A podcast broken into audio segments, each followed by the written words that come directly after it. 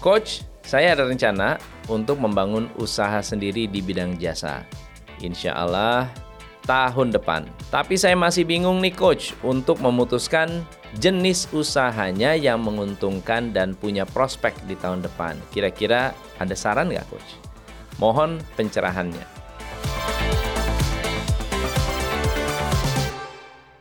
Teman-teman, bidang-bidang usaha tidak bergantung pada bidang usahanya. Kalau Anda sering bertanya kepada saya, coach, bisnis apa yang bagus? Bukan bisnis apa yang menjanjikan, tetapi siapa yang menjalankan. Bisa aja ya, bisnis yang sama dijalankan oleh orang yang berbeda, hasilnya bisa berbeda total. Bisnis coaching di Indonesia sempat menjamur, tetapi yang tersisa tinggal sedikit. Sama dengan bisnis coffee shop yang pernah booming berapa banyak, yang masih bertahan tinggal berapa. Jadi jenis-jenis usaha yang ada walaupun menjanjikan jika tidak dijalankan dengan serius dengan manajemen yang baik pasti akan tutup. Tapi saya harus menjawab pertanyaannya kira-kira jenis apa yang menjanjikan. Menurut saya jenis-jenis bidang jasa masih sangat menjanjikan di tahun 2023. Contohnya, kalau Anda melihat betapa banyaknya bisnis baru yang dimulai tahun ini tapi membutuhkan desain yang bagus, produk yang menarik, kemasan yang menjual. Jadi, desain grafis bisa jadi merupakan bisnis jasa yang menjanjikan. Lalu, gimana cara mendapatkan uang dari desain grafis? Anda bisa jadi freelancer, bisa bergabung dengan 99 Design atau Fiverr, atau mungkin di Indonesia juga sudah cukup banyak marketplace untuk freelancer. Seperti contohnya seribu.com. Anda juga bisa menjadi bagian dari agency yang membantu mendesain iklan, mendesain posting social media, atau mungkin Anda membuat desain yang nantinya akan tampil di Pinterest. Buat Anda yang memang juga jago desain, tapi juga Anda pinter ngajar, Anda bisa jual kursus desain grafis Anda sendiri. Atau buat Anda yang saya senang desain kaos nih. Anda bisa mendesain kaos Anda sendiri. Jadi tidak dibatasi. Yang kedua adalah fotografi. Kalau Anda perhatikan sekarang memang smartphone sudah bisa memiliki kemampuan untuk menghasilkan gambar yang jernih dan tajam hanya dengan satu alat ini. Tapi teman-teman, kita masih membutuhkan foto produk yang bagus. Kita masih membutuhkan foto yang estetik. Jadi, kalau Anda orang yang mengerti fotografi, jasa fotografi akan booming di tahun 2023. Coach, kalau saya bisa fotografi tapi saya nggak tahu caranya untuk mendatangkan uang dari foto-foto yang saya miliki gimana?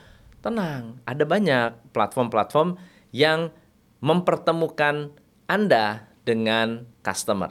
Seperti contohnya Shutterstock, Alami, Etsy, atau Photo Shelter. Ada lagi nggak coach? Ada.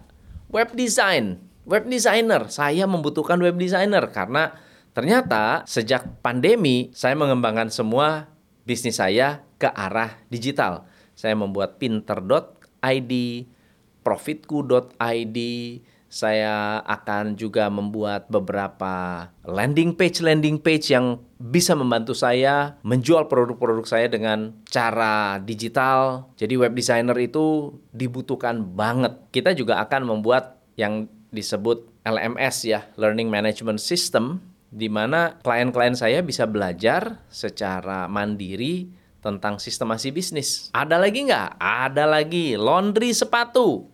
Laundry sepatu. Kenapa laundry sepatu? Bisnis cuci sepatu ini bisa berkembang. Karena coba Anda perhatikan hampir di setiap mall ada jasa cuci sepatu dan kalau Anda tanya, Mas kira-kira cepat nggak? Wah bulan depan Pak baru selesai. Bulan depan Anda bisa bayangkan berarti antriannya panjang sekali.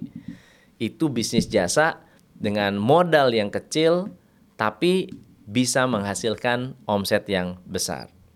Waduh coach, saya nggak bisa graphic design, saya nggak ngerti uh, web designer, saya tidak tahu cara cuci sepatu, saya cuma punya lahan, tanah, bisa nggak sih jadi bisnis? Bisa. Sekarang ada bisnis lahan parkir. Ini adalah potensi yang sangat-sangat luar biasa. Kalau di Amerika itu lahan parkir bisa menghasilkan miliaran dolar loh. Jangan salah loh. Jadi modalnya apa? Satu, tanah datar dekat dengan traffic atau dekat dengan rumah makan yang tidak punya lahan parkir, Anda bisa menyewakan tempat Anda untuk lahan parkir. Lahan-lahan parkir ini bisa ditemukan di commercial area. Ya, dekat-dekat bandara, dekat rumah sakit, dekat dengan sekolah, dekat dengan rumah makan, gedung-gedung acara. Anda mungkin pernah ketemu gedung acara nggak ada tempat atau gereja atau rumah ibadah yang pastinya tidak punya lahan parkir khusus untuk jemaatnya atau untuk tamu-tamunya, jadi harus pinjam lahan parkir yang bebas. Kalau Anda tidak bisa memiliki lahan parkir yang besar, ya Anda bisa mengelola lahan parkir Anda sendiri yang dikosongkan untuk tetangga-tetangga Anda. Zaman dulu rumah saya itu masuk gang. Masuk gang ya, nanjak jadi tidak ada garasi sama sekali. Jadi ketika ayah saya memiliki angkot dan tidak punya tempat untuk parkir, cari rumah yang punya lahan parkir tapi nggak punya mobil. Disewalah lahan parkir itu untuk kita tempati. Dan ini adalah bisnis. Dan yang terakhir adalah kos-kosan. Bisa nggak sih Bisnis kos-kosan menguntungkan, bisnis kos-kosan pasti sangat menguntungkan. Saya punya kos-kosan di Kelapa Gading dan buat saya itu sangat menguntungkan. Bahkan cicilan KPR-nya itu bisa dibayarkan dari uang sewanya. Sekarang udah lunas. Jadi yang tersisa hanya untungnya saja. Nah, coach kalau saya nggak punya rumah gimana? Kalau saya nggak punya tempat gimana? Kan gitu, selalu banyaknya alasan. Anda bisa jadi agen yang bekerja sama dengan pemilik kos-kosan. Jadi misalnya Anda masih kuliah nih, Anda masih uh, bebas, punya banyak teman, Anda cari penyewa kos. Lalu kemudian minta komisi deh setiap kali memberikan referensi.